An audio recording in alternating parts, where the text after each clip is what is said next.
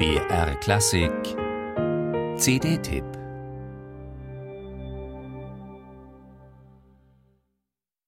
Midvinternattens köld är hård Stjärnorna gnistra och glimma. Alla sova i enslig gård Djupt under midnattstid Es ist klirrend kalter Winter. Raureif liegt auf den Bäumen, tanzende Eiskristalle in der Luft. Der Schnee knirscht unter den Schritten, der eigene Atem dampft als weiße Wolke.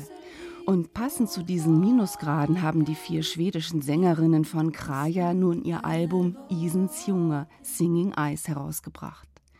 Singendes Eis ist eine hinreißende Winter-CD mit traditionellen, teils alten Liedern aus Schweden und mit eigenen Kompositionen. Tomten heißt dieses Lied. Es handelt vom Wichtel, der im strengen Winter zu Mitternacht auf einem abgelegenen Gehöft seinen Schabernack treibt und zugleich ehrfürchtig ins Träumen gerät, angesichts der Schönheit der stillen, gefrorenen Schneelandschaft. skogen där gran och fur drar kring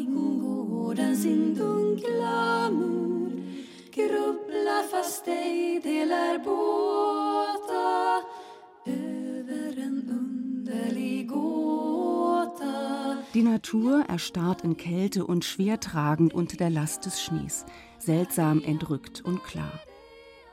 Unwirklich rein wirkt der Gesang des schwedischen Vokalquartetts Kraja. In bestechender Präzision verschmelzen die kristallklaren Stimmen zu einem einzigen Unisono, das mal verhalten und meditativ daherkommt, dann wieder tänzerisch und fröhlich. Vi ska ställa dans Vi ska binda både krona och krans till dansen Vi ska ställa till en rolig dans Vi ska binda både krona och krans till dansen Wintermusik als glockenheller vierstimmiger Gesang, ohne die kleinste Reibung oder Missstimmung. Schimmernd und perlend, sensibel und unangestrengt, diverse Stimmungen und Nuancen dabei mit großer Natürlichkeit auslotend. Das ist Kraja mit vier Sängerinnen, auch genannt die vier schwedischen Nachtigallen, die alle aus der Stadt Umeå in Nordschweden kommen. Kraja stammt aus der Sprache der Samen und bedeutet so viel wie Platz, nach dem man sich sehnt. Und sehnsuchtsvoll und heimelig, aber auch geheimnisvoll klingen die Gesänge tatsächlich.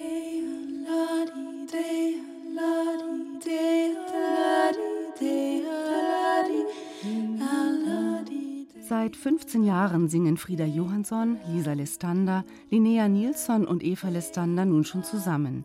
Eine Vertrautheit, die man dem Quartett anmerkt. In Schweden ist Kraja längst eine der führenden Folkbands. Isens Junger ist ihr fünftes Album. Zuvor war Kraja einmal für den schwedischen Grammy nominiert. Kraja, dieser Name steht für reine A cappella Kunst vom Feinsten. Etwas verwunderlich ist allerdings die Tatsache, dass diese CD beim kleinen Label Westpark Music ihren offiziellen Erscheinungstermin am 13. Januar hatte, neben den Winterliedern aber auch einige bekannte schwedische Weihnachtslieder enthält. Doch sei es drum.